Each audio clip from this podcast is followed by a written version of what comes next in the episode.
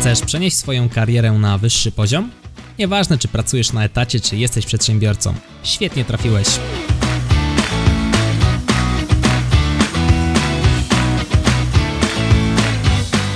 Nazywam się Michał Kowalczyk i witam Cię w Excellent Work Podcast. Witam Cię w kolejnym odcinku Excellent Work Podcast. Dziś pogadamy o bardzo gorącym temacie, jeżeli chodzi o szukanie pracy, ale nie tylko szukanie pracy, również jeżeli chodzi o budowanie swojej listy kontaktów czy potencjalnych klientów. Na tapet bierzemy LinkedIn. Moim gościem jest. Kto jest dzisiaj moim gościem? Marcin Niewęgłowski. Opowiedz Marcin trochę o sobie, czym ty się zajmujesz i w ogóle wiesz. No chyba jesteś odpowiednią osobą, żeby pogadać o LinkedIn, co? Wiesz co, no, się trochę zajmuję. Tak sobie przypomniałem ostatnio, że konto na LinkedInie mam od 2005 roku i założyłem je przed tym, jak generalnie założyłem swoje konto chociażby na, na Facebooku. Mhm.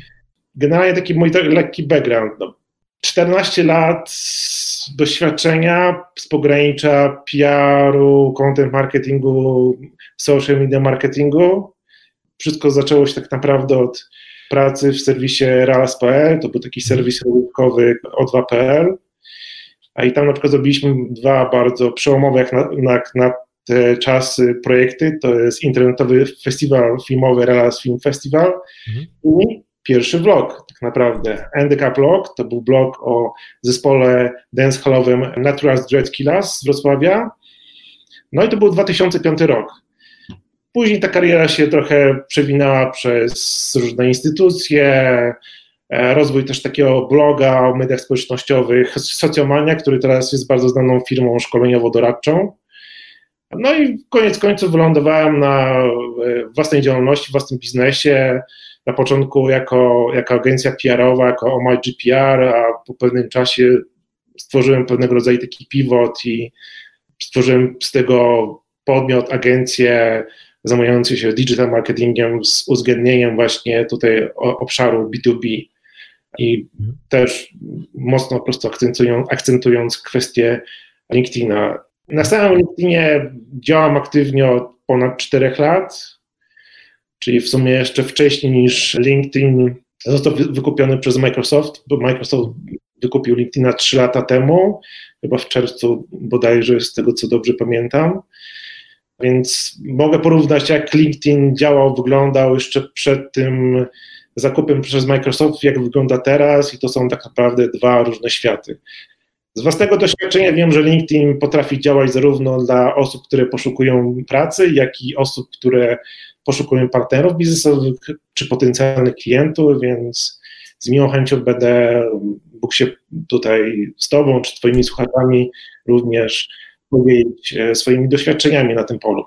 Pewnie tutaj będziesz naszym przewodnikiem. W ogóle nie wiedziałem, że LinkedIn jest własnością Microsoftu. Chyba się z nim muszę polubić bardziej w końcu czasu. Tak, tak, to jest w ogóle największa, największe przyjęcie w historii Microsoftu. Microsoft kupił LinkedIna za 40 miliardów dolarów, więc Wow. Ale ma swój, ma swój cel. Możemy to później o tym porozmawiać. Myślę, że to wiesz, e, coś jak wiesz, Facebook, tak, Google i tutaj Microsoft szedł w tą stronę social, e. Mhm. social mediową. Okej, okay, no to co? Może, e, że tak powiem, płyniemy, płyniemy mocno, wejdźmy sobie głębiej w tego LinkedIna. Takie myślę podstawowe pytanie, które może się nasunąć szczególnie osobom, które zaczynają przygodę z tym portalem, to jaka jest różnica versus Facebook? No, Facebooka myślę wielu tutaj słuchają, słuchaczy zna, natomiast LinkedIn jest już trochę bardziej enigmatyczny. Widzisz tutaj, na jakie różnice może byś wskazał między tymi dwoma sieciami społecznościowymi? Wiesz co, jak sobie porównuję na przykład mój motyw stworzenia profilu na LinkedInie w tym 2005 roku, to ten motyw był jeden, tak? To było można powiedzieć, wirtualna wizytówka samego siebie, czyli takie wirtualne CV. Mhm. To było kiedyś oczywiście, bo w przeciągu ostatnich 3-4 lat to się diametralnie zmieniło. Facebook to generalnie, wiesz, to jest taki internet w internecie, no tam są wszyscy, tak? Ty, ja, wiesz, ciocia, babcia, wiesz, kuzynostwo, generalnie używamy do tego głównie jako takie mm, medium, można już powiedzieć medium masowe, bo tego co pamiętam, tam jest około półtora miliarda ludzi codziennie z tego korzysta. W Polsce chyba około 18 milionów kont tak, jest coś takiego, tak, więc prawie tak. co drugi Polak, nie? Jest nas 38 tak. milionów. No chyba też podobna liczba ludzi, którzy generalnie z tego korzystają codziennie, jest chyba około 15 milionów. No, charakter LinkedIna jest bardziej związany właśnie z HR-em, z biznesem, bardziej platforma taka profesjonalna B2B. Tego oczywiście jest mniej na Facebooku, bo Facebook bardziej jest skoncentrowany na właśnie na użytkownika jako użytkownika, jako Jana Kowalskiego, a nie Jana Kowalskiego jako przedsiębiorcę, osoby, która dziś pracuje albo poszukuje pracy, albo chcąca się na przykład y, dokształcić. I to jest moim zdaniem główny, główna różnica między Facebookiem a LinkedInem, czyli LinkedIn to właśnie do rzeczy takich, nazwijmy to ogólnie rzecz biorąc, zawodowych, a Facebook do tak naprawdę do reszty. No to, czyli myślę, że takie fajne podsumowanie. LinkedIn to taki zawodowy Facebook. w, te, w, tą stronę, prawda? Można tak, nie, można tak oczywiście powiedzieć. Oczywiście. Facebook dla biznesu, idąc w, te, w tę stronę, nie? Bardzo takim skrócie można to tak nazwać, że komuś to, że tak powiem, pomoże, żeby jakoś to sobie wyobrazić, czy, czy też właśnie pomóc y, zrozumieć, co to jest ten LinkedIn. Mhm, Okej, okay. to teraz wiesz, jakby idąc dalej, wiemy już jaka jest taka główna różnica, taki, taki big view, robiąc krok do tyłu, platforma dla B2B, czyli biznes do biznesu, bardzo często biznes do klienta, czy miejsce, w którym możemy szukać dla siebie pracowników, albo dla siebie pracy, w zależności po której stronie biurka rekrutacyjnego się znajdujemy to jest duże, duża różnica. Natomiast kwestia, nie wiem, może jakiegoś, jakichś różnic w zachowaniu, no czy będziemy wrzucali na przykład na LinkedIn materiały z tego, że byliśmy na wakacji albo co tam dobrego zjedliśmy, bo na Facebooku to widzimy, nie? Znaczy generalnie, jeżeli chodzi o, o LinkedIna, tam jeden z głównych powodów, z którego ludzie korzystają, to jest właśnie poszukiwanie jakichś nowych możliwości zawodowych, dokształcania się również, szukania informacji, Dlatego też na przykład można zauważyć, że coraz częściej na, z LinkedIna zaczynają, zaczynają korzystać też media, mhm. bo widzą w tym jako dodatkowe źródło ruchu dla, do swoich portalów, ale też z uwagi na generalnie zainteresowanie ludzi informacjami. Plus informacje dla na przykład potencjalnych inwestorów. Ja wiem z własnego doświadczenia, że dla jednego z moich klientów LinkedIn jest takim przedłużeniem portfolio mhm. dla potencjalnych zagranicznych inwestorów, którzy wchodzą na LinkedIna i sprawdzają na przykład, jakie ta firma wyznaje wartości, jaki ma potencjał biznesowy, czy warto generalnie się nimi zainteresować, czy nie. Bo często tych na przykład informacji nie ma na stronie, bo firmy na przykład nie skupiają się na tworzeniu swoich na przykład mediów, tak, w ramach, w ramach strony. Okej, okay, to w takim razie pytanie, wiesz, weszliśmy w temat dużych firm i dużych dealów, tak? Grubych inwestycji za miliony pieniędzy. Natomiast pytanie, co ma zrobić taki zwykły, no nie wiem, ja na przykład bym chciał mhm. znaleźć pracę, nie? Nie będę wrzucał swojego portfolio, bo go nie mam. Strzelam, że mhm. go nie mam, nie jestem dużą korporacją, ale jestem zwykłym Kowalskim, więc odpalam LinkedIna, Chciałbym coś wrzucić jako post, chciałbym coś wrzucić do feeda, bo tutaj jest podobieństwo między Facebookiem a LinkedInem. Tutaj w obu sytuacjach możemy coś publikować, co się pokaże naszym znajomym czy ludziom z sieci. Teraz co ja mam wrzucać, jak ja szukam po prostu pracy, albo nie wiem, zaczynam się specjalizować w jakiejś dziedzinie. Co ja tam mam wrzucić, nie? Do, do tego znaczy. Generalnie, wiesz, zaczynam takich podstaw i to w sumie zawsze się o tym mówi. To trochę będzie brzmiało dosyć oczywiście, ale to ten, przygotowanie tego swojego profilu osobistego to nie jest robienie tak sztuka dla sztuki. Mhm. Bo tutaj jest parę rzeczy, o których się często nie wspomina. Po pierwsze, LinkedIn nagradza uzupełnione profile mhm. O wszystkie elementy, które się tam znajdują, łącznie z osiągnięciami, łącznie z całą ścieżką e, kariery czy zainteresowaniami. W taki sposób to nagradza, że on dostosowuje też część treści, które pojawia się w aktualności do tego, czym my się, czym my się interesujemy, bo jakby popatrzeć na przykład na rzeczy, które pojawiają się w aktualnościach, mhm. Tak zwanym czyli, na feed, czyli na newsfeedzie dokładnie. Tak, tak na newsfeedzie. One się pojawiają z paru elementów. Jeden to jest oczywiście ludzie, których masz w kontaktach, mhm. ale innym elementem, który LinkedIn bierze pod uwagę w celu właśnie kojarzenia odpowiednich treści do odbiorców, to jest na przykład Twoje zainteresowania, czy też na przykład branżę, którą, którą reprezentujesz. Mhm. Ja raz miałem taki przykład, że na LinkedInie pojawia, pojawiła mi się informacja, że ten temat jest na przykład bardzo popularny w miejscu zamieszkania, czy tam w miejscu, który tam określiłeś w swoim tam profilu. Mhm. Plus też możliwość subskrypcji, subskrypcji tak zwanych hashtagów, czyli subskrybujemy wszystkie wpisy, które pojawiają się z danym hashtagiem i czasami jest tak, że LinkedIn podpowiada wpisy osób, których generalnie nawet nie mamy w liście kontaktów. Okay. Rozumiem, czyli chodzi o to, że mamy na LinkedIn możliwość obserwowania nie tylko ludzi, dodawania ich do znajomych, ale możemy też obserwować hasztagi. Coś jak na Instagramie, tak? Jak sobie wejdziemy na Instagramie w hashtaga, to widzimy listę rzeczy, które są pod tym hashtagiem. Na tak. LinkedInie działa to podobnie, tak? Tylko, że tam są posty, a nie tylko zdjęcia, tak? Tak, tylko w przypadku, wiesz, osoby, która szuka pracy, w, tak naprawdę mega wielkim wyzwaniem jest przygotowanie tego profilu pod kątem właśnie ludzi, którzy dla których ta osoba może być interesująca. Zawsze powtarzam, że tak zwany headline, czyli to, co się pojawia na samym górze, taki tak zwany skrócony opis, to jest taki elevator pitch, czyli takie kwintesencja tego, kim jesteśmy. Tak? Jeżeli ktoś szuka pracy w jakimś tam obszarze, to powinien takie to MVP, czyli tam taką swoją wartość, która ma przykuć na przykład rekruterów, wrzucić w tym opisie. Czyli to, co się znajduje pod imieniem i nazwiskiem, ten taki tak. mały, krótki opisik, to to tak. jest to, o czym teraz mówisz, to jest to, co się będzie wyświetlało pod każdym komentarzem, który dodamy gdziekolwiek u tak. kogokolwiek. To jest taka nasza krótka reklama. To jest mega ważne, bo e, też jak się postawimy w roli na przykład potencjalnych rekruterów, mhm. to oni generalnie screenują te wszystkie profile i nie mają czasu, żeby przeczytać wszystkich profili. Musi być taki, taki element, który, który po prostu przykuje uwagę. Wiem, że to brzmi bardzo ogólnie, ale każdy tak naprawdę powinien się za, za, zastanowić nad tym, co jest jego mocną stroną, która mogłaby przykuć potencjalnych rekruterów. Czy są, to są jakieś możliwości pod kątem umiejętności miękkich, czy być może jakieś umiejętności twarde, jakieś doświadczenie, może jakieś nawet nagrody, które ktoś zdobył podczas, podczas na przykład pracy na studiach, albo będąc na przykład przewodniczącym jakiegoś koła naukowego, cokolwiek. Mhm. Bo generalnie nie mamy czasu na wiele rzeczy. Jest generalnie coraz większy trend upraszczania komunikacji, również w słowie, w słowach, które używamy. Więc warto pod tym kątem bardzo zwrócić uwagę nie zapominając o tym, że, powinno być odpowiednie zdjęcie profilowe, też przebieg nad nawet rzeczy, które trwały po parę miesięcy podczas studiów, jakiś wolontariat. Wszystko to jest bardzo, bardzo ważne w przypadku osób, które poszukują y, pracy. To jest jedna sprawa, bardzo techniczna, jeżeli o, chodzi o sam, o, o sam profil. Jest tak naprawdę dla osób, które na przykład poszukują pracy, jest LinkedIn daje około sześciu możliwości szukania tej pracy na swoim profilu.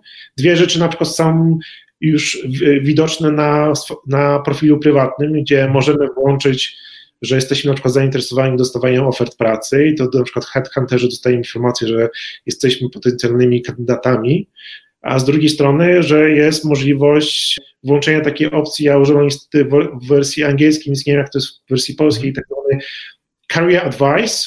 Mhm. Możemy, się, możemy się zwrócić do innych użytkowników LinkedIna pod kątem mentoringu, tak? Czyli na przykład, że skończyłem studia, interesuję się tym, tym, chciałbym się rozwijać w tym, tym, czy ktoś mi może pomóc, nie wiem, tam pokierować. I, a że to jest ważne, pokazują badania LinkedIna, że około 80% ludzi, użytkowników tej, tego serwisu jest otwartych na tak zwany ten mentorship, tak? Czyli mhm. właśnie różnego rodzaju porady od ludzi, którzy mają, że tak powiem, o, o wiele większe po prostu doświadczenie. Pewną drogę za sobą, nie? Tak, to są dwa takie elementy, które, o których trzeba bardzo pamiętać, jeżeli chodzi o profil prywatny. Inne rzeczy są mniej oczywiste, na przykład robimy sobie listę potencjalnych firm, w których chcielibyśmy, chcielibyśmy pracować i sprawdzamy, czy oni mają swoje company page, czyli tak zwane te profile firmowe, czy LinkedIn page na, na, na LinkedInie Sorry, tak? tutaj wskoczy, czyli to jest coś jak, e, jeżeli znamy Facebooka, czyli to będzie alternatywa fanpage'a facebookowego, tylko że na tak, LinkedInie, tak? Tak, tak, okay. tak, taki fanpage, tak. Przy ka w każdym tym LinkedIn page'u, czyli tej stronie firmowej, jest taka sekcja jobs. Mhm. I można tą sekcję subskrybować, czyli możemy sobie włączyć alerty, że będziemy dostawać informacje, że na przykład w tej firmie pojawiała, pojawiła się oferta pracy. To jest kolejny element.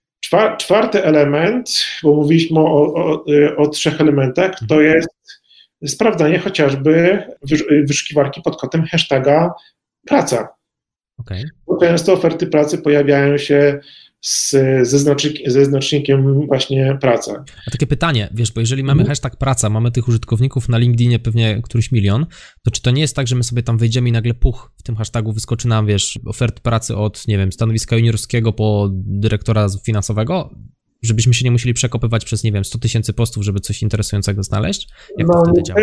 Wyszukiwarka LinkedIna pod kątem hashtagów nie jest tak zaawansowana i mhm. niestety pozostaje nam tylko przekopać się przez ilość tych postów z, z pisami praca, ale z drugiej strony tak naprawdę biorąc pod uwagę, że około pół procenta, procenta użytkowników LinkedIna w Polsce jest aktywnych, to tych postów nie jest tak strasznie długo, dużo. Ja ostatnio sprawdzałem najbardziej popularny hashtag w Polsce to jest motywacja, z tego co pamiętam, bo taki prowadzę swój wewnętrzny ranking, może kiedyś się tym podzielę jako, jako takie zestawienie. I ono jest śledzone, że tak, tak powiem, obserwowane przez około 10 tysięcy ludzi. Okay. Więc tak naprawdę ta aktywność użytkowników na, na LinkedInie nie jest zbyt duża, więc tych, tych postów związanych z pracą też zakładam, że nie jest tak aż tak, tak, tak strasznie dużo, by ktoś się nie mógł przez to przekopać. Nie? Znaczy pe pewnie samych postów z pracą będzie dużo, tylko nie każdy taki post jest opatrzony hashtagiem praca, nie? Nie, oczywiście, tylko mówię, to jest jakiś tam taki filtr, który sobie po prostu nakładasz, mhm. tak? Wiadomo. Okay.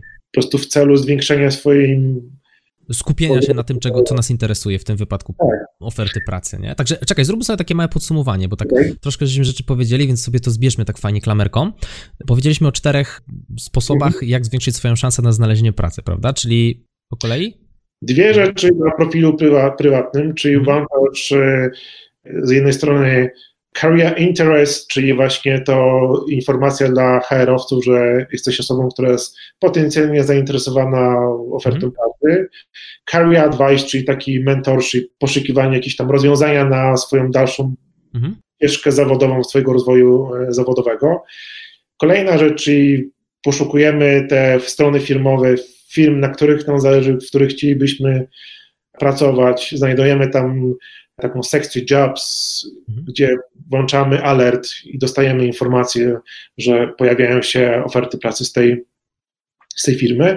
No i czwarty, czwarty sposób, czyli właśnie hashtag praca, tak? Mhm. A jeszcze wracając tak trochę jeszcze krok przed tym wcześniej, pamiętamy o tym, żeby uzupełnić ten headline, czyli pod imieniem i nazwiskiem wpisać sobie te najważniejsze zdanie, które będzie wyświetlane pod każdym komentarzem, no i uzupełniamy swój profil o wszystkie nasze aktywności, które się mogą w jakikolwiek sposób wiązać z branżą, w której chcemy pracować. Jedźmy do punktu piątego w takim razie. Okay. to punkt piąty to jest wykorzystanie wyszukiwarki LinkedIna do, do ofert pracy. Można wpisać specjalista do spraw zakupów, starając się wyszukiwać polskie, polskie nazwy, czyli też anglojęzyczne. Też można w taki sposób szukać tych ofert pracy.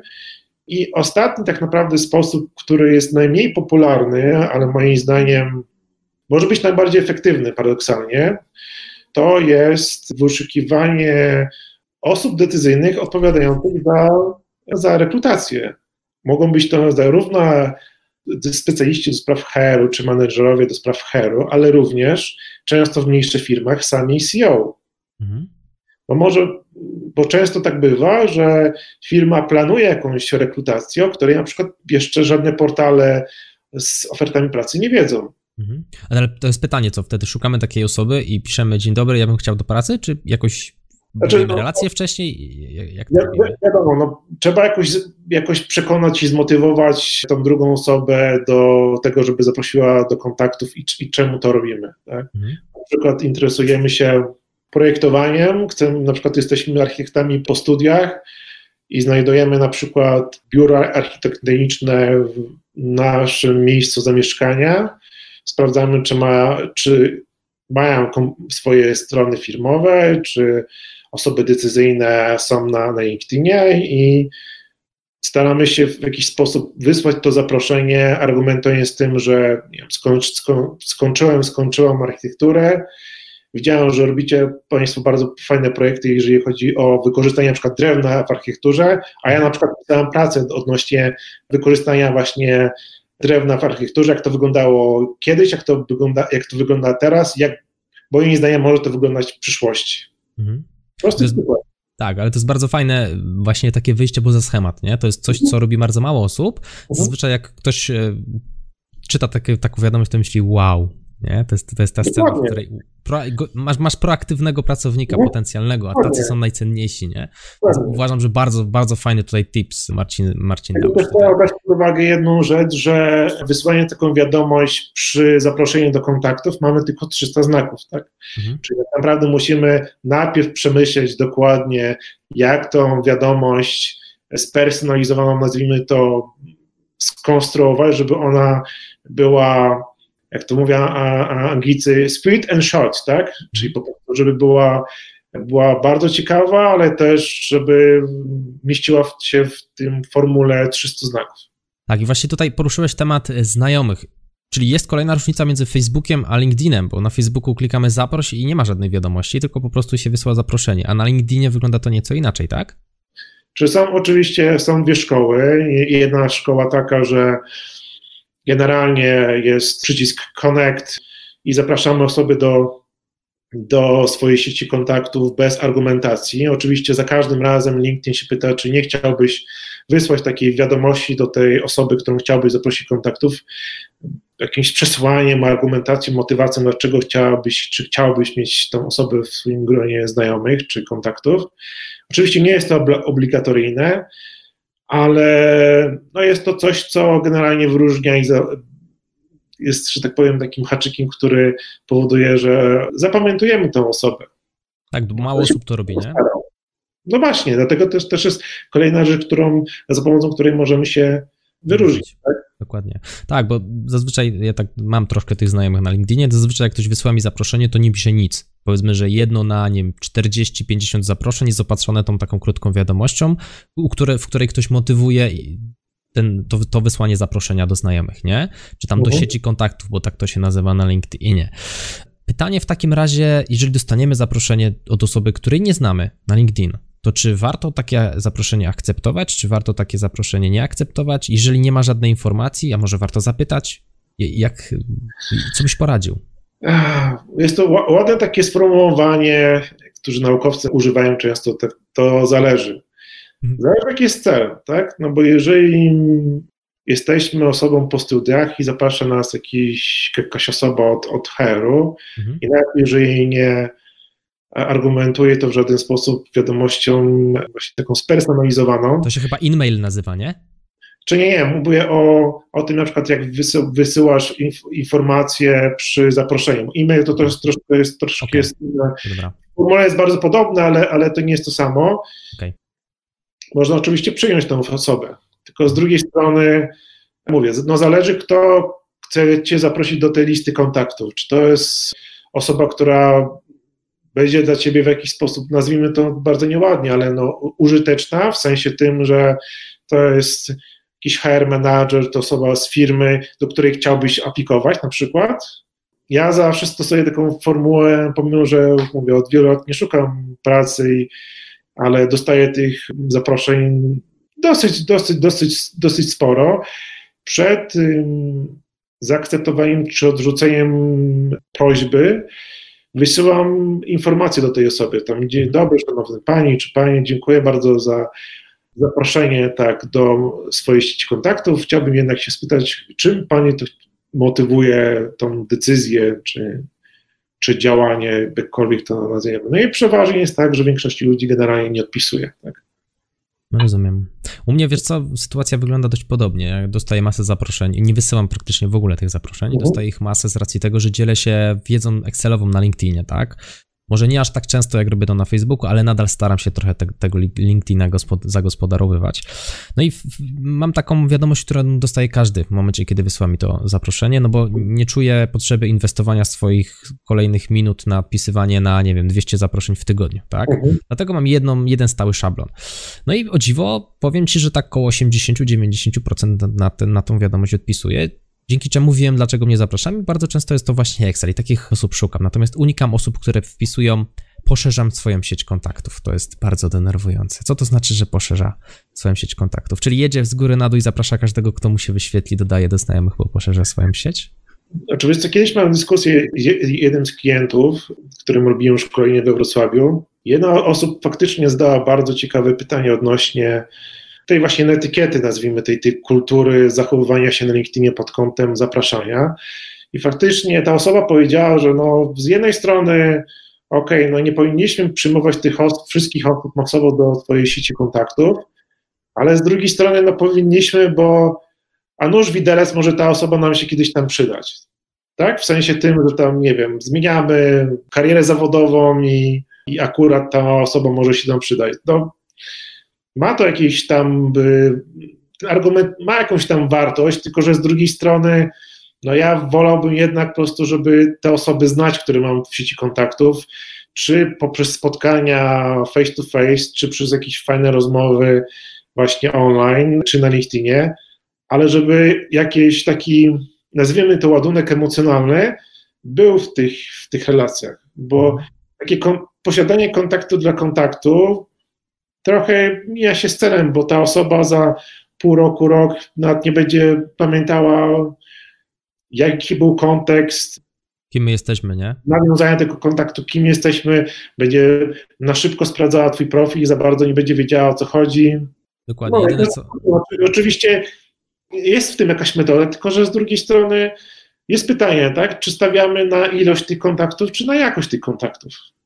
No, wydaje mi się, że jednak lepiej pewnie byłoby stawiać na ich jakość, nie? No bo co z tego, że zaprosiliśmy kogoś do znajomych albo ktoś zaprosił nas, jak po roku jest tak, jak dokładnie ty mówisz. Różnica między tym, że się znamy, a się nie znamy jest taka, że jesteśmy połączeni na LinkedIn i tyle. Nadal nie wiemy nic o sobie, nie? Dokładnie, tak, Więc tak, tak.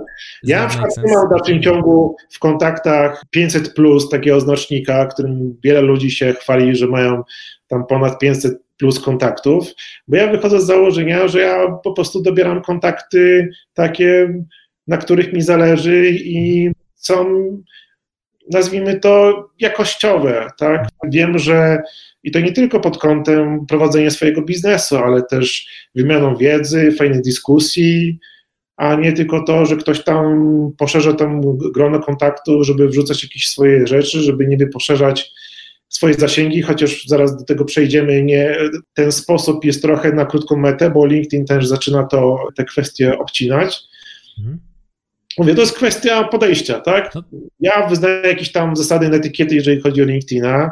Niestety LinkedIn do tej pory jakoś nie pokwapił się, niestety, żeby promować jakąś właśnie etykietę na, na, na swoim serwisie. Miejmy, miejmy nadzieję, że nie, w przyszłości to się zmieni.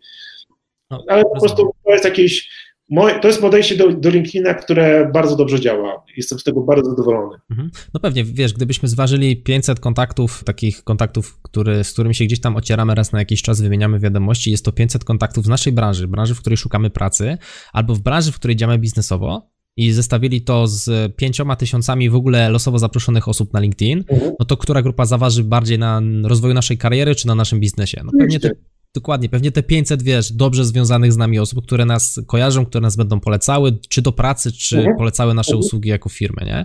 Więc to jest pytanie, które warto sobie odpowiedzieć. Ja mam ten znacznik 500, plus, chociaż dzisiaj, jak mówimy 500, plus, to budzi to różne skojarzenia. w Twoim przypadku to jest trochę inaczej, tak? No bo mhm. na przykład bierzesz udział w różnych eventach, ludzie chcą Cię mieć w znajomych, chociaż ja na przykład sobie ustawiłem, że trochę Utrudniłem ludziom dodanie do, do, swoich kontaktów przez dodanie tego przycisku follow, bo można to mhm. ustawić na profilu, że zamiast w pierwszej kolejności kogoś dodawać do kontaktu, po prostu śledzić. O, to ciekawe. I, i zrobiłem to może nie w sensie takim celo, celowo, ale stwierdziłem, że jeżeli jest tyle osób, które bez żadnego celu chce mnie dodać do kontaktów, to już wolę, żeby te osoby mnie śledziły. Jeżeli komuś będzie naprawdę zależało mi w kontaktach, to w znajdzie ten przycisk, przycisk connect, tak, i czy to wyślę spersonalizowaną wiadomość, czy później ja się o to dopytam, do tego dojdzie, tak? No i to się w moim przypadku bardzo dobrze sprawdza.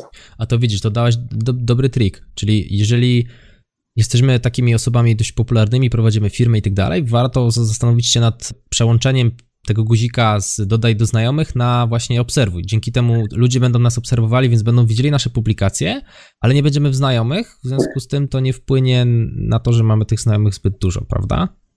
Znaczy generalnie, jeżeli ja wychodzę z założenia, że jak komuś zależy, żeby był z tobą w kontakcie, mhm. no to poszuka tego przycisku connect, tak, i miejmy nadzieję, że z tego wyjdzie fajne, że tak powiem, fajna relacja na LinkedInie chociażby. A jeżeli ktoś tak po prostu komuś się wyświetlił twój profil, czy gdzieś pojawił, no to Rozumiem. w pierwszej kolejności jest ten follow. No po to właśnie też LinkedIn stworzył, tak? Ten przypis, że można osoby obserwować, ale nie będą z nimi w jakimś tam kontakcie, nazwijmy to biznesowym. Tak, w ogóle a propos tej nomenklatury, użyłeś follow, mówiłeś tam też zaproś do znajomych. U mnie, mhm. u mnie jest, ja korzystam z LinkedIna w wersji polskiej. U mnie jest to nawiąż kontakt i obserwuj. Natomiast mhm. to jest kwestia pewnie ustawienia w LinkedInie, jak ten LinkedIn się nam wyświetla. Ty masz mhm. wersję angielską, ja mam polską, pewnie to nie wpływa w żaden sposób. Ja widzę twój profil na przykład gdzieś tam pewnie po polsku albo po angielsku albo, albo nie wiem jak widzę, nie pamiętam. I właśnie to jest pytanie, bo wiesz, korporacje to jest środowisko, w którym jest dużo osób anglojęzycznych, my uh-huh. uzupełniamy ten profil i tutaj pojawia się pytanie nawet nie o to, jakie, jak się nam wyświetlają funkcje, bo to jest kwestia pewnie ustawień językowych dla nas. Natomiast pytanie, jak to zrobić, żeby ten wall, czyli to tam, co sobie, wyś- nawet nie wall, tylko ten nasz profil, czyli te nasze umiejętności, CV, studia, kariera, żeby to się wyświetlało po polsku i po angielsku? Czy może zrobić to tylko po angielsku? Czy może jest tam jakaś opcja, żeby to się tłumaczyło? Jak to działa? Czy generalnie też na samym początku tak bardzo mocny akcent położyłem na naprawdę bardzo skrupulatnym przejrzeniu profilu mhm. prywatnego, bo tam można też stworzyć swoją drugą wersję językową swojego profilu. Mhm. Na przykład. Jeżeli zależy nam na przykład, żeby pracować w środowisku międzynarodowym, czy też działać za granicą, ale również jest możliwość działania zdalnie z partnerami czy, czy klientami zagranicznymi. Mhm. Twoje pytanie, jeżeli chodzi o wersje językowe, jest też, wiesz co, taki mit, powiedzmy taka miejska legenda o tym, że jak masz profil angielski, to te funkcje, które ci pojawiają, pojawiają ci szybciej niż w wersji polskiej. Nie jest tak do końca, bo w LinkedIn tam co jakiś czas wprowadza nowe funkcje i jest taka informacja, że tam niby osoby, które mają profil ustawiony na przykład anglojęzyczny, te funkcje mają szybciej niż osoby, które mają ustawiony profil po polsku. Mhm. Ale nie do końca jest to prawda, bo tak naprawdę LinkedIn wprowadza te e, wszystkie nowe funkcje z jednej strony pod kątem geografii, a drugi, z drugiej strony pod kątem Twojej wpływowości na LinkedInie, nazwijmy to. W sensie tym, że na przykład w Polsce tylko do tej pory dostęp do transmisji na żywo mają z tego co pamięć mnie nie myli dwie osoby, jeden podmiot prywatny, jeden, jedna organizacja. Wojtek Hera na pewno? Tak, Wojtek Hera i Sprawdy Marketing, oni to są dwa podmioty, które mają okay. do tego dostęp. Wojciech Hera zapewne z tego względu, że on dużo rzeczy nagrywa wideo i mm. też w tym kwestionariuszu, który się wypełnia, jest bardzo mocno właśnie uwzględnione to, że oni będą stawiali na osoby w pierwszej kolejności, które mają jakieś no, doświadczenie wideo. No i też wpływowość, tak, Wojtka, tak, nie ma co ukrywać na, na, na LinkedInie, mhm. a sprawny marketing z uwagi na też swoje live'y, które robią na, na Facebooku, no i teraz mogą też robić te live'y na, na LinkedInie, to na przykład przeważyło, tak, że oni testują, to mogą to testować, tak, jeżeli chodzi o grunt polski. Mhm. To momencik, bo tak troszkę odbiegliśmy od właściwego tak. pytania, ale zostańmy tu na chwilę. Wspomniałeś o kwestionariuszu. Ja już też z tego kwestionariusza no. korzystałem, natomiast może powiedzmy też dla słuchaczy, jest, jeżeli jesteście e, słuchaczami, którzy prowadzą swój biznes i chcieliby ten biznes pewnie bardziej skalować na LinkedIn, chcieliby tam robić live, jest kwestionariusz do uzupełnienia, za pomocą którego możecie spróbować zaaplikować o włączenie dla waszego konta możliwości live. Natomiast ja powiem, nie wiem, czy ty aplikowałeś, pewnie tak. Mhm. Aplikowałeś? Tak, tak. No, to pewnie dostałeś też taką odpowiedź jak ja, prawda? Czyli na ten moment jest zbyt duże zainteresowanie i proszę czekać na swoją kolej, tak w dużym skrócie. No, tak, no mówię, tak jest. No, to jest test. Z tego, co się orientowałem, live jeszcze chyba nie wejdzie w przyszłym roku do masowego zastosowania.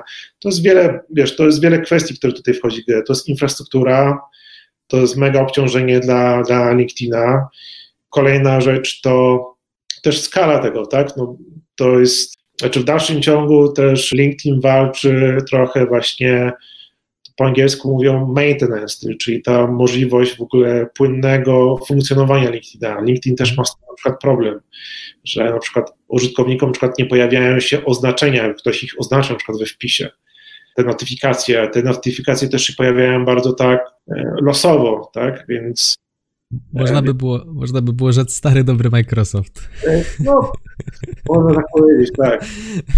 Ale, ale wie, i dlatego też z tego, co widziałem, jakichś tam planów LinkedIna na przyszły rok, to to jeszcze nie będzie, że tak powiem, coś wielkiego, co Microsoft razem z LinkedInem będą chcieli po prostu to odpalić. Na razie jest możliwość umieszczenia swoich postów w formie wideo i to jest dla, dla nich moim zdaniem obecnie i tak największe wyzwanie, jeżeli chodzi o kwestie techniczne. No jak już jesteśmy przy kwestii właśnie umieszczania wideo, to jest mhm. pytanie, które gdzieś tam troszkę żeśmy tak myślę po powierzchni po nim przejechali. Co udostępniać, jeżeli szukamy pracy na naszym portalu, na naszym wallu na, na LinkedInie, tak? Wspomniałeś, że możemy robić, możemy wrzucać wideo, pewnie możemy wrzucać też grafiki, skoro jest wideo, pewnie możemy wrzucać też posty. Tylko pytanie jakie? Jak działa kwestia po pierwsze, wrzucania, po drugie mhm. kwestia wrzucania linków, bo tam na przykład na Facebooku to tam zasięgi te klimaty. Jakbyśmy mogli trochę głębiej w ten temat wejść, co, co byś polecił? Szczególnie tutaj może skupmy się na tych osobach, które może są na ostatnich kierunkach studiów, albo myślą o zmianie pracy, albo szukają tej swojej pierwszej pracy, są powiedzmy w wieku 25-28, mhm. to myślę jest ta przestrzeń osób, w, w, których jest dużo takich osób, które albo zmieniają pracę, albo szukają właśnie tej swojej pierwszej, nie? Dobrze, dobrze właśnie skonkretyzowaliśmy o kogo to dokładnie chodzi, bo tak naprawdę można, że tak powiem, podać parę wersji podejścia do LinkedIna z uwagi na to, na jakim etapie zawodowym jesteśmy, no ale skupiając się na tym przykładzie, o którym ty podałeś, no tak starając się wczuć taką osobę, która kończy swoje studia i chciałaby się w czymś na przykład specjaliz specjalizować, czy jest w czymś, czymś mocna, chciałaby to na przykład podkreślić w, w swojej komunikacji na na, na LinkedInie, można tworzyć artykuły na LinkedInie, można się swoj, dzielić swoją taką, to nie jest nawet ekspercka wiedza, tylko taka wiedza wynikająca z swojej ciekawości, na przykład tej sfery, którą się interesujesz. Mhm. Można oczywiście nagrać filmy, jeżeli masz jakieś swoje spostrzeżenia na jakiś temat. Nie ma co się, nie ma co się wstydzić tego. Im bardziej surowe materiały wideo na, na LinkedInie, tym lepiej paradoksalnie. I to dotyczy zarówno na przykład profili prywatnych, jak i profili firmowych z własnego doświadczenia. Wiem, że to rzeczy nieobrobione i tak dalej nie, nie mają jakiegoś, znaczy generują też duże zainteresowanie, ale nie tak duże zainteresowanie, jeżeli na przykład ktoś nagra telefonem, na przykład jak dana maszyna akurat teraz działa w danej fabryce i to wrzuci bezpośrednio na LinkedIna, niż jakieś obrobione w ogóle wideo. Mhm.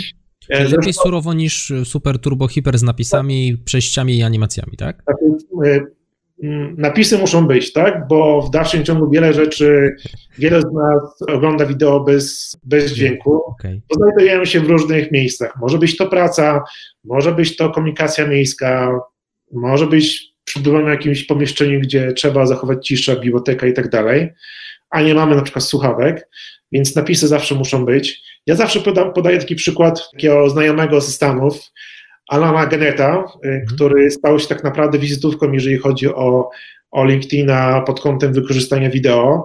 On zaczął w ogóle, wyszedł z takiego formatu, że nagrywa jednominutowe, jednominutowe wideo z, z napotkanymi swoimi znajomymi czy osobami w swojej branży i zadaje im jedno pytanie. Okej. Okay. I to tak naprawdę żre takim dużym zainteresowaniem, że LinkedIn w swoich na przykład oficjalnych materiałach, jeżeli chodzi o wideo, podaje przykład Alana Geneta jako przykład, który idealnego wykorzystania wideo na LinkedInie. Okej. Okay. Oczywiście on, on to pokazuje z perspektywy osoby, która jest tam przedsiębiorcą i tak dalej, ale jakbym tak się wczuł osobę, która jest, która kończy swoje studia i chciałaby pokazać, że no nie jest jedną z tam setki osób, które kończy studia, się niczym nie interesuje, nie ma co zaprezentować takiej wartości dodanej, to wiesz, to jest kwestia do dobrania do formatu. Ktoś lubi wideo, może nagrywać wideo. Ktoś lubi pisać, może, może pisać. Ktoś nie, nie lubi pisać, nie lubi nagrywać wideo, może wrzucać linki do ciekawych artykułów ze swoim komentarzem, może. Mhm, Okej. Okay. Czy to taki jest fajny w sumie easy win, tak? Wiesz, tak.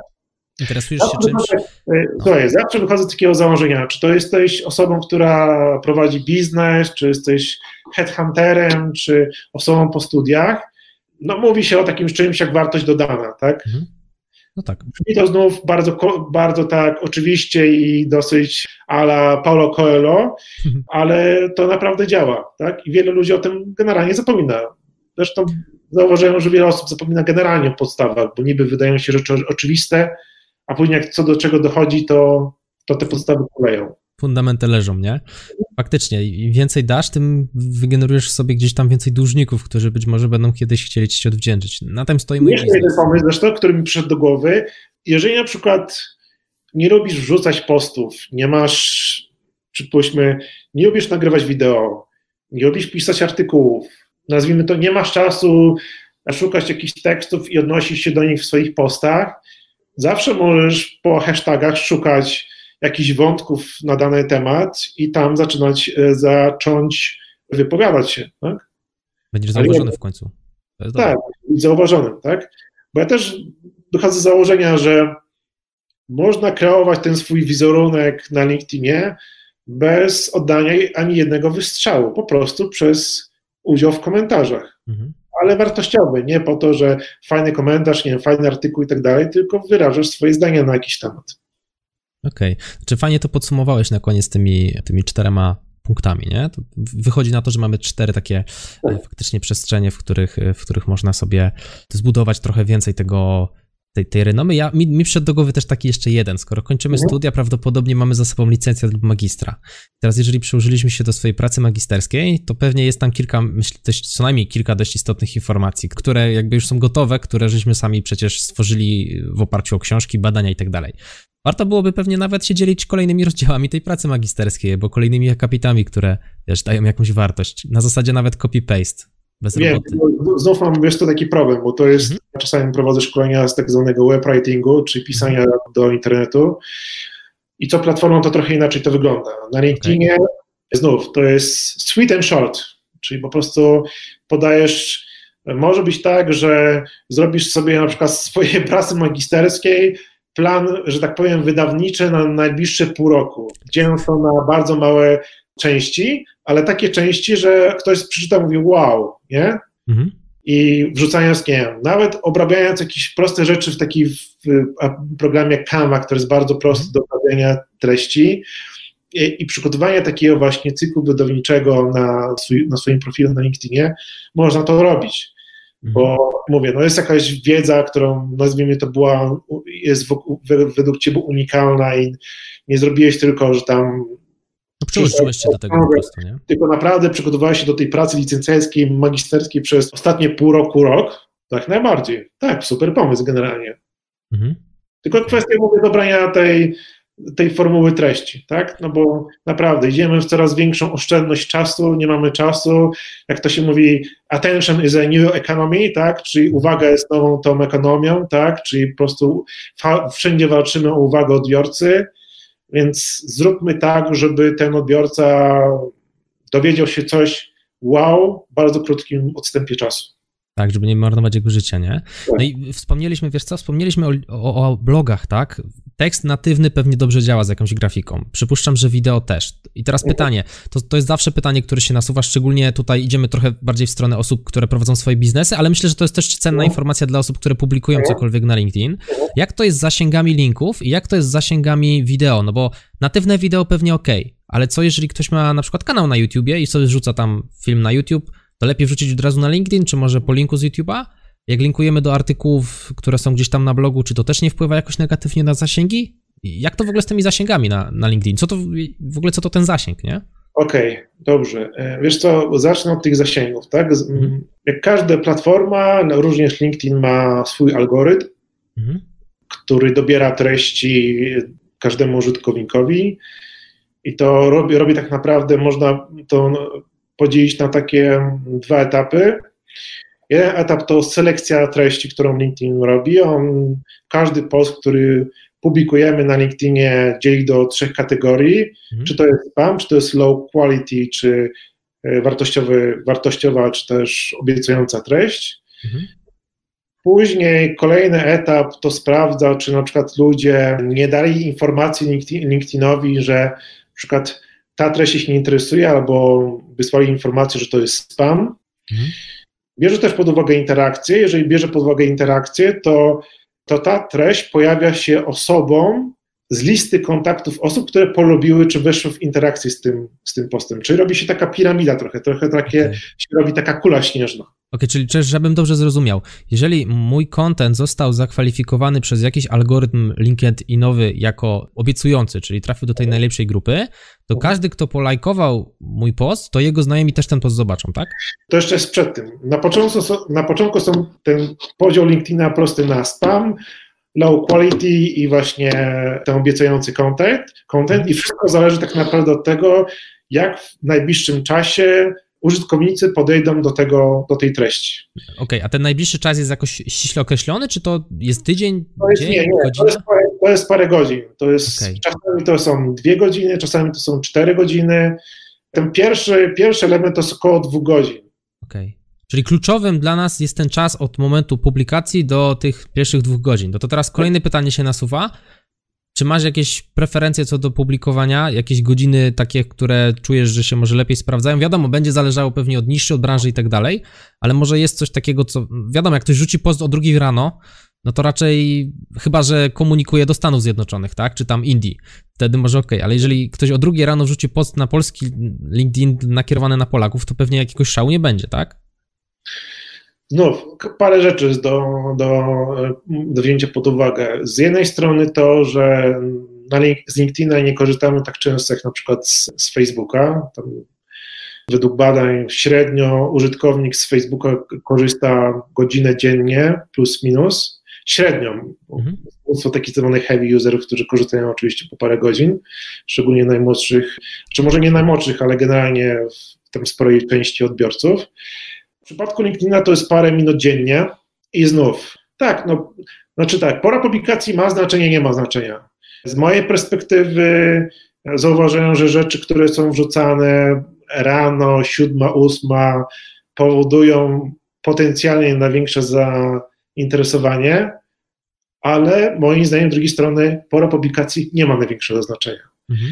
Bo LinkedIn dobiera też treści, to jest ten drugi fragment, oprócz algorytmu, oprócz mhm. tego algorytmu, to jest też drugi fragment, pod kątem trzech filarów, mhm. czyli pod kątem to, czy ta treść, którą się dzielisz, będzie interesująca, dla jakiej części Twoich kontaktów będzie interesująca. Okej. Okay. Bo każdy z nas, kto wrzuca swoje informacje na swoim profilu prywatnym, mhm. umieszcza informacje, że się interesuje marketingiem, architekturą. I LinkedIn to kojarzy, tą, tą, tą treść, którą rzuciłeś, z zainteresowaniem tej osoby z Twojej listy kontaktów. Okej. Okay. To jest jedna rzecz. Druga rzecz to jest kwestia interakcji, czyli czy osoby, ile osób z Twojej listy kontaktów wchodziły z Tobą w interakcję. Mhm. To jest y, drugi element. I w sumie to są to są dwa najważniejsze elementy, które. Pytanie, okej, okay. znowu pytanie doprecyzowujące. Przez interakcję rozumiemy wiadomość czy komentarz, czy dowolny like? Komentarze, lajki, wszystkie. wszystkie okay. Punkty styku. Punkty styku. Znaczy wiadomości też można, nie, wiadomości też, wiadomości Dobra. prywatne również, tak. Wiadomości. Rozumiem. Czyli jakby zamknęliśmy trochę koło. Istotne jest też trochę, wiesz, generalnie spieliśmy klamrą kilka rzeczy, nie? Tak, muszę obalić mit. Nie ma jakiegoś takiego, takiego czegoś jak poro publikacji. Oczywiście pojawiają się różne badania, które mówią, że na przykład tam środa, czwartek, godzina rano są najlepsze pory publikacji. Mhm. Z własnego doświadczenia jest, no, to będzie pewien przykład anegdotyczny, który pokazuje, że nie ma tych jakichś tam por publikacji. U mnie działają pory publikacji na przykład nawet w sobotę rano. Mhm. Ale zauważyłem, że to działa głównie z uwagi na temat, a nie to, że zostało to wrzucone w jakiś tam porze. Okay. I bardziej temat ma znaczenie niż same pory publikacji. Ale to pewnie wiąże się też z jakością Twoich znajomych, tak? Skoro Ty dobierasz znajomych pod tak. to, o czym publikujesz, to to powoduje, że z tych Twoich 500 kontaktów większość te posty widzi, dlatego że piszesz interesujące według algorytmu LinkedInowego dla nich rzeczy. Gdybyś miał zlepek 5000 losowych osób, to prawdopodobnie nawet 500 by nie widziało, tylko widziałoby tych osób to mniej, nie?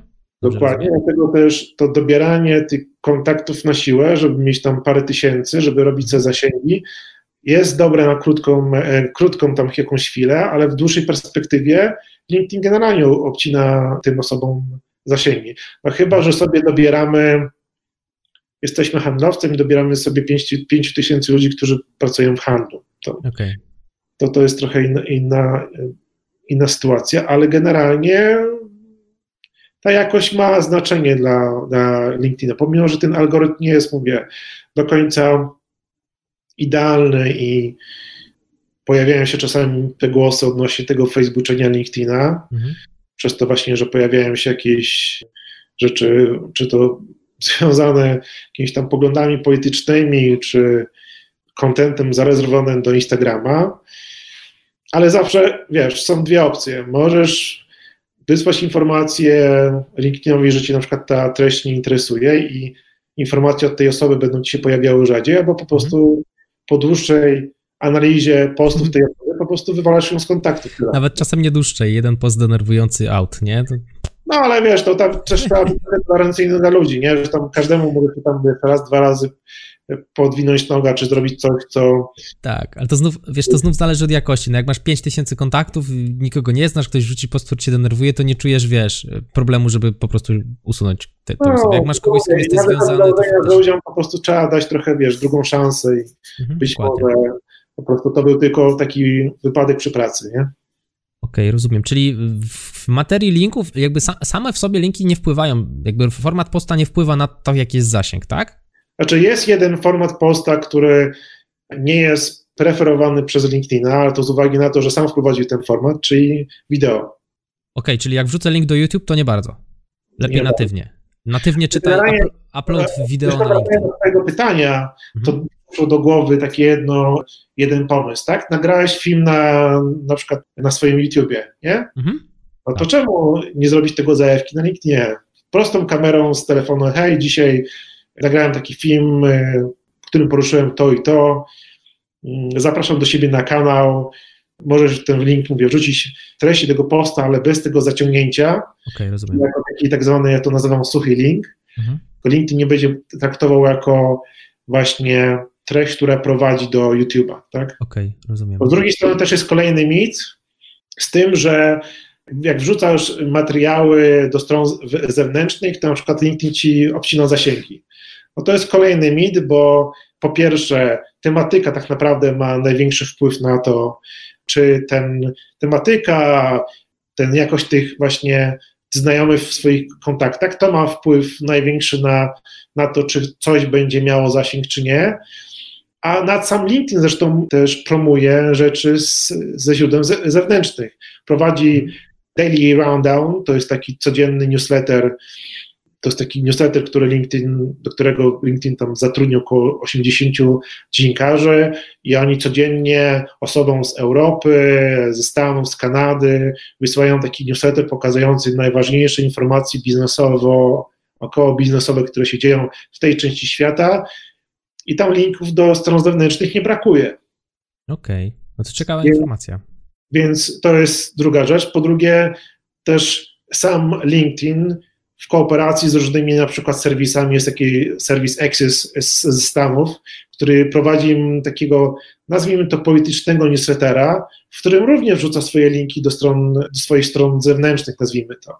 Mhm. Więc to nie jest tak na Facebooku, że jest jakieś tam obcinanie przez to, że Odwołujemy się do stron zewnętrznych. Tak, informacje użytkownikom, że przyszli na strony, na strony zewnętrzne. Co jest ważne, że z roku na rok też LinkedIn staje się coraz większym źródłem informacji dla użytkowników, szczególnie w Stanach, tam Pew Research co roku robi takie informacje i teraz chyba LinkedIn już na, na czwartym miejscu, jeżeli chodzi o źródło informacji. I to też powoduje, że media coraz częściej wchodzą na LinkedIn, o czym już trochę dzisiaj wspomniałem, żeby traktować LinkedIn jako swój kolejne źródło ruchu, okay. darmowego ruchu na swoją stronę. Czyli robi się coraz ciaśniej. Robi się coraz ciaśniej. Zresztą parę tygodni temu, może miesięcy, było taki case z Polski Pawła Tkaczyka, mhm. który podzielił się właśnie swoim wpisem na, na LinkedInie, że LinkedIn stał się dla niego trzecim najważniejszym źródłem ruchu na, na jego bloga, tak? Oprócz Google'a i Facebooka. Mhm. Więc coś okay. tu jest na rzeczy, tak? tak, tak. Jeszcze tak, żebyśmy, myślę, może złapali skalę, co to jest ten zasięg, bo tak pogadaliśmy, ale może nie każdy ze słuchaczy, wiesz, wie. Więc tak w dużym skrócie, tylko tak jednym zdaniem powiem, że zasięg 100% to jest scena, w której twoi, masz 500 znajomych, wrzuciłeś post i te 500 znajomych ten post widzi. Natomiast to jest już, myślę, mit i takie rzeczy się nie dzieją chyba na żadnym e, portalu społecznościowym. To jest zazwyczaj to jest jakiś ułamek, jakiś procent, prawda? Czy tam 10, 20, 30, to myślę, że też są fajne wartości. No i kwestia też zasięgu takiego, który wychodzi ponad naszych znajomych, czyli jeżeli nasi znajomi coś tam polajkują, no to jest szansa, że ich znajomi coś zobaczą, tak? Czy to na LinkedIn, czy to na Facebook. Oczywiście to nie jest takie proste, jak ja teraz powiedziałem, bo tam są, zresztą tutaj Marcin wyjaśniał algorytmy cuda, nie widy i na Facebooku, i na LinkedInie. Natomiast no, na koniec dnia to nie żyjmy w świecie, w którym myślimy, że jeżeli coś wrzucamy w social media, to wszyscy nasi znajomi to widzą. To tak się nie dzieje.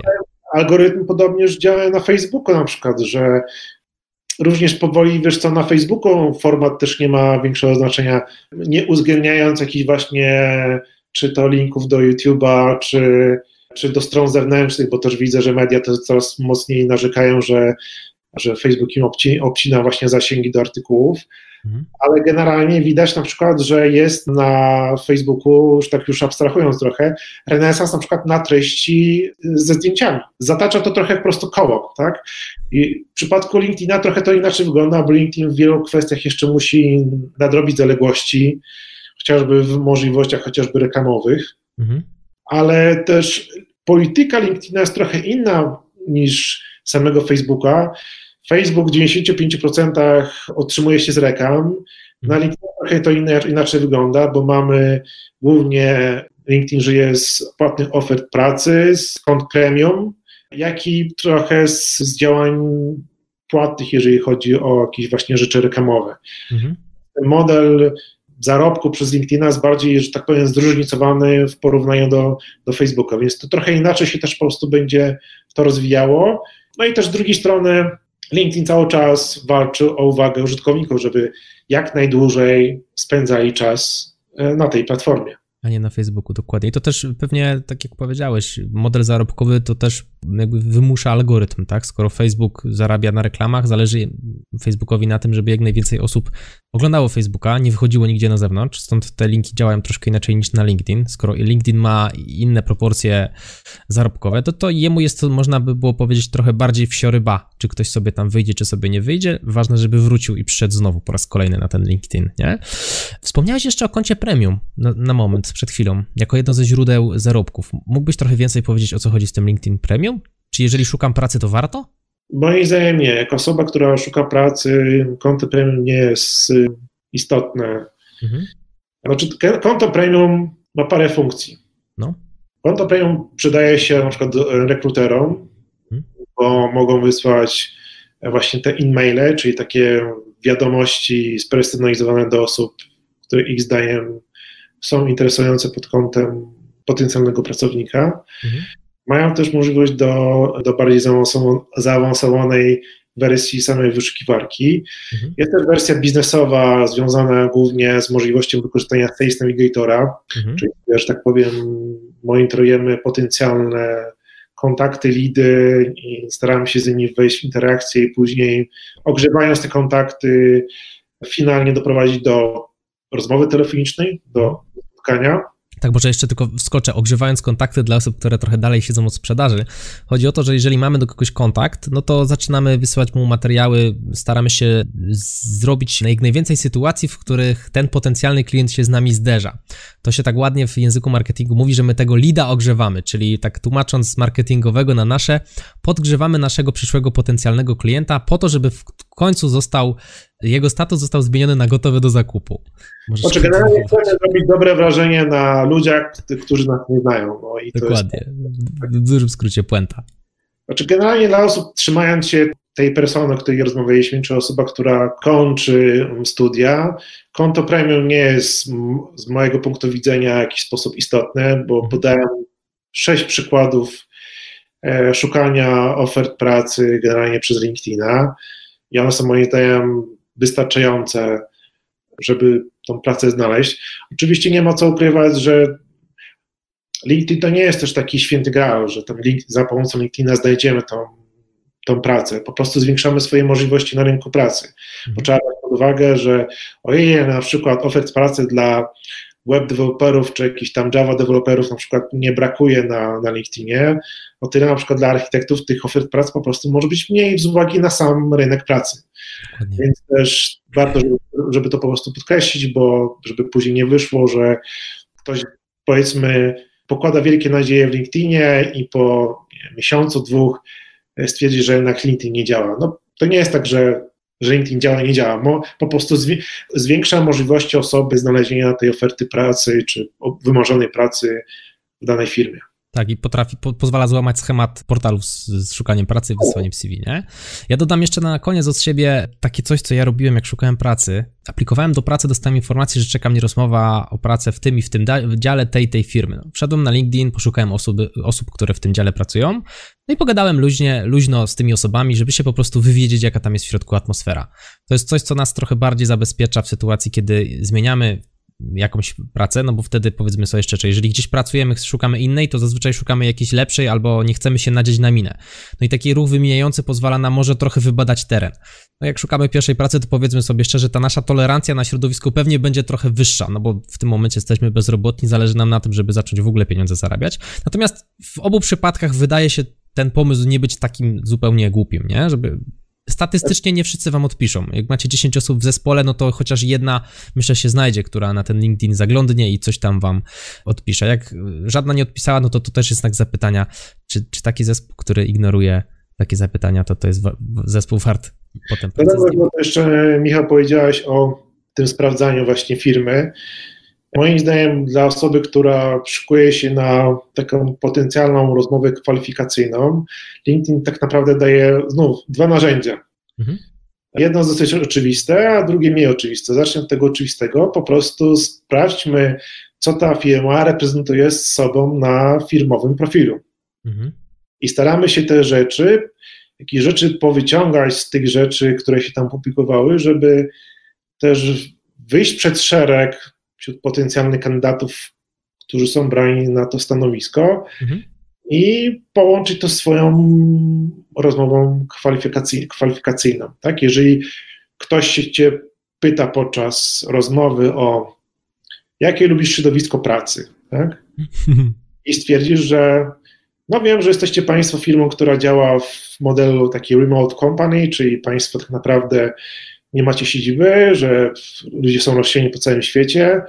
Mi się ten model bardzo podoba, bo widziałem tam po danych tam Stanach Zjednoczonych, że już 30% pracowników pracuje w tym modelu i generalnie znam parę firm typu tam Hotjar, Buffer i tak dalej, które to firmy tak naprawdę działają tylko w tym modelu. No i to mnie też przekonało do tego, że żeby to Państwo aplikować, zresztą widziałem po Państwa komunikacji na, na company page, że to działa, że macie pracowników z różnych stron świata i bla, bla, bla, bla, bla, bla. To jest, to jest jeden element, który warto wykorzystać podczas rozmowy. A wiadomo, to jest research, to jest praca, przygotowanie się do pracy to nie jest taka bułka z masłem, bo, bo możemy mieć tych na przykład spotkań nad paręnaście, parędziesiąt i do każdej z tych rozmowy musimy się po prostu przygotować, a nie iść na takie odchodne. Drugi element, który daje LinkedIn, to jest przećwiczenie schematycznych pytań, które naj, najczęściej pojawiają się na rozmowie kwalifikacyjnej. Na każdym, swoim, na każdym naszym profilu w głównym menu jest taka zakładka Jobs. Mhm. Też to taka jedna podzakładka, gdzie LinkedIn podrzuca informacje, właśnie takie pytania, które najczęściej pojawiają się podczas rozmów kwalifikacyjnych. Co ciekawe, możemy na te pytania odpowiedzieć w formie tekstowej, czyli mhm przeszkolić swój angielski, ale możemy też nagrać się, czyli wykorzystać wiadomości głosowe do przeszkolenia się jeszcze zanim ta rozmowa kwalifikacyjna wyszła, jak wypadamy, odpowiadając na poszczególne pytania. Myślę, że ten link, jakby kto kogoś będzie to interesował, ja link czy tam ścieżkę dostępu do tego narzędzia, które do którego dostęp ma każdy użytkownik LinkedIna, chętnie podam. Możemy gdzieś tam w opisie do tego odcinka to wrzucić, bo, Pewnie. bo to się pojawiło parę miesięcy temu, a moim zdaniem to jest naprawdę super sprawa dla osób, które tak naprawdę nie wiedzą, o co potencjalnie HR-owiec może się Ciebie pytać podczas takiej rozmowy. No ja właśnie w podcaście staram się przybliżać na przykład takie pytania, między innymi oczywiście pokazując obie strony biurka, czyli i tą pracowników, i tą pracodawców. Jak już jesteśmy przy temacie linków, ja Ci Marcin w ogóle bardzo dziękuję za, za ten czas, który tutaj dzisiaj dla nas poświęciłeś, dla mnie i dla słuchaczy, bo naprawdę kupa wiedzy, masa wiedzy i dla osób, które szukają pracy, ale też myślę dla przedsiębiorców, którzy myślą o tym, jak rozwinąć swój profil na LinkedIn, bo tutaj tak naprawdę oba te światy się przeplatają, nie? Powiedz mi, Marcinie, gdzie cię można znaleźć? Ja jestem zapisany na twój newsletter, bardzo sobie ten newsletter chwalę, także zachęcam słuchaczy, żeby, żeby do tego newslettera dołączyli. Mógłbyś powiedzieć, jak to zrobić? Znaczy, ten e, newsletter trochę przechodzi teraz lekką transformację, bo jest migracja z jednego systemu newsletterowego do drugiego. Mhm. Czy tak, mnie można znaleźć oczywiście na LinkedInie, wpisując po prostu wyszukiwarkę Marcin Niewęgłowski. Moje nazwisko nie jest zbyt popularne, więc tam raczej dużo tych Niewęgłowskich się nie znajdzie na LinkedInie. A druga rzecz, to można się zapisać na mój newsletter wchodząc na stronę marcinniewęgłowski pisane i tam jest box do zapisania się na ten właśnie już nowy newsletter, znaczy nowy, stary newsletter na nowym silniku i co tydzień staram się oczywiście wysyłać to co wtorek, czasami to niestety po prostu się przesuwa dzień, dwa. Samo życie. Dokładnie, samo życie. Formuła tego niestety teraz dosyć prosta, wyszukuję przeważnie ze świata, czasami też z Polski przykłady, bardzo ciekawe przykłady wy, wykorzystania LinkedIna. Podam taki przykład z wczoraj, że e, zauważyłem, że na przykład coraz więcej organizacji zajmujących się, i to jest związane z pracą oczywiście, mhm. E, zajmujących się pozyskiwaniem inwestorów zagranicznych zaczynają wykorzystywać LinkedIna do budowania relacji właśnie z tymi potencjalnymi inwestorami. Mhm, Okej, okay. co wpływa na rozwój biznesu i potencjalne miejsca pracy. Dokładnie, dokładnie. dokładnie. Nie tak bezpośrednio, ale jak tak człowiek troszkę głębiej kropki połączy, to wynika z tego pewna faktycznie wartość dla osób, które szukają pracy. Dobra, Marcinie, kurczę, pogadaliśmy trochę. Cóż, zapraszam wszystkich, którzy tutaj dzisiaj z nami byli, czy wizualnie, czy dźwiękowo, bo też podcast jest dostępny w wersji audiowizualnej na, na YouTube, do tego, aby odwiedzili stronę Marcina, marcinniewęglowski.com, zapisali się na newsletter. Ja, te, ja śledzę ten newsletter i to jest jeden z nielicznych newsletterów, który regularnie oglądam, czytam i faktycznie tam jest wartość. Wartość, którą warto sobie przyswajać, żeby rozbudowywać swój profil. Ja tam patrzę na newsletter bardziej od strony biznesowej, ale jest tam też sporo informacji dla osób, które szukają pracy, także dla każdego coś dobrego. Jeszcze raz Ci, Marcinie, dziękuję. Dzięki również, Michał. Ca cała przyjemność. To był Excellent Work Podcast. Do usłyszenia w kolejnym odcinku. Trzymajcie się, hej!